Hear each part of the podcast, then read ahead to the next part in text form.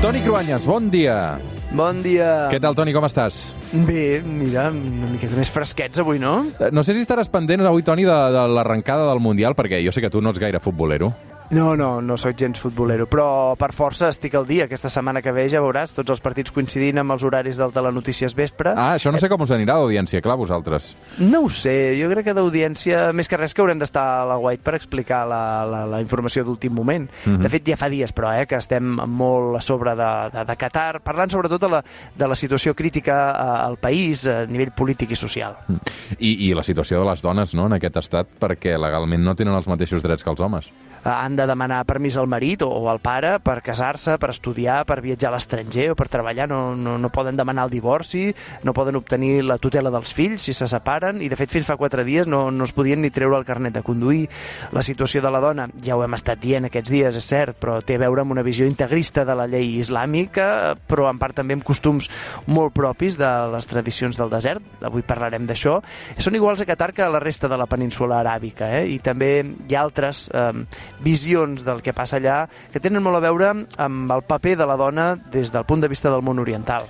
Avui amb el Toni Cruanyes parlem del món musulmà, de la dona en el món musulmà, però també de la... ho farem a través d'un dels seus grans mites, com és les mil i una nits. Arabian nights like Arabian days. Les mil i una nits i la seva protagonista, que és Sherazade, eh, que aboquen a tot un món de sensacions i de valors, Toni. Les mil i una nits és un llibre fantàstic que des de fa tres segles ha marcat la visió entre romàntica i paternalista que els occidentals tenim del món d'Orient, però sobretot és una gran història. De fet, comença amb un rei molt poderós que descobreix que la seva dona té un amant, que és un dels seus esclaus més joves.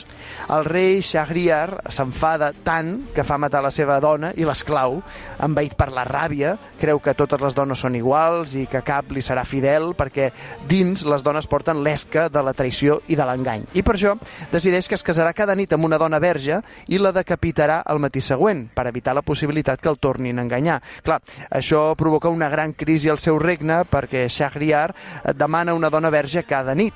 Així que el visir, que és l'encarregat de buscar-li les esposes, al cap d'un temps ja no troba més noies joves. Els seus pares i germans les amaguen o se les emporten del país per evitar la seva mort.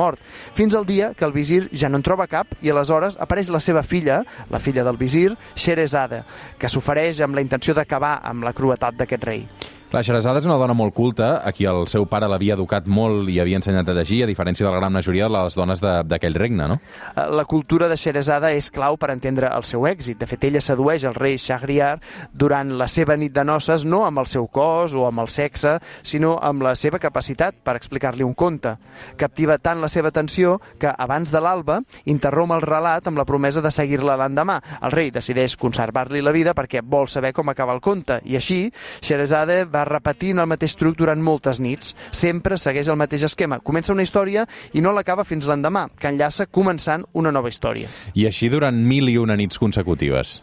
Mil i una nits en què Sherazade explica històries que ella ha llegit en altres llibres, tant històries d'amor com tragèdies o llegendes religioses musulmanes. Algunes històries són molt famoses, com Aladí i la làmpada meravellosa, o Alibaba i els 40 lladres, o, o fins i tot les aventures de Simbad, el mariner. Tots són històries populars, no només del món àrab, sinó també persa i fins i tot de l'Índia. Però l'important és que al final el rei Shahriar li perdona la vida a la seva dona i viuen, a partir de llavors, sempre enamorats. Què passa, Toni, que Sherazade no va existir mai de debò? No, ni Sherazade, ni tampoc està clar que el mateix llibre de les Mil i una nits fos realment un llibre. De fet, a nosaltres ens arriba al segle XVIII en una recopilació d'un francès arabista, Antoine Galland. És una recopilació d'històries de genis, d'esperits fantàstics, sultans, mags, que barregen llocs reals amb altres de llegendaris. És, és una fantasia que en molts aspectes no respon només a la tradició oriental, sinó també a la visió que els occidentals ens van fer de l'Orient. Clar, en aquest cas, eh, Toni, no existeix un llibre original art de les mil i una nits, tampoc. No, en realitat es creu que l'origen podria ser un llibre del segle X, persa, o sigui que tampoc no seria ni àrab d'origen, però basat en una forma de narrar que és pròpia del sànscrit de la Índia, que era una tècnica per explicar contes dins d'un conte i en què cada conte tenia un consell moral amb l'objectiu de sentar una mena de catecisme no? sobre com s'havia de comportar moralment la població. Clar, tot això és molt diferent del que ens ha arribat a nosaltres de les mil i una nits. Totalment. Amb els segles s'han afegit històries, han canviat... De, de fet, no existeix una única versió canònica del llibre. Per això et dic que és gairebé una visió més occidental de com la cultura i la moral europea, en plena industrialització, explicaven el món salvatge i primitiu que imaginaven de l'Orient.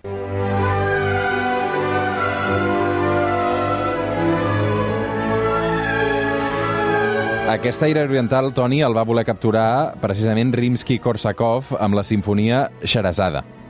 I fins anys després, eh, Pier Paolo Pasolini, que va donar forma de pel·lícula molt coneguda a una visió de contingut més sexual, et diria, eh? perquè una part de la fascinació occidental de les Mil i una nits va venir precisament de l'erotització de Xerezada.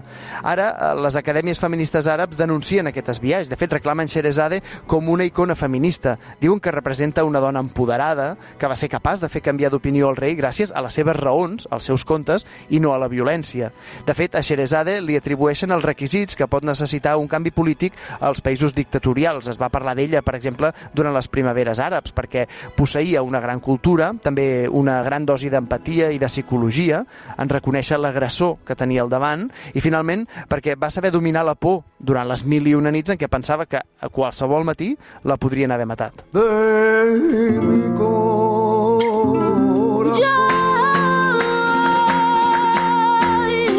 Avui arribarem a les 9 del matí amb Rosalia, amb Seguiria Madre, que canta conjuntament amb el Niño Delche, una cançó que precisament té reminiscències àrabs. Toni, Rosalia, la Xerezade del segle XXI. segurament que sí. Toni Cruanyes, bon diumenge, una abraçada. Bon diumenge.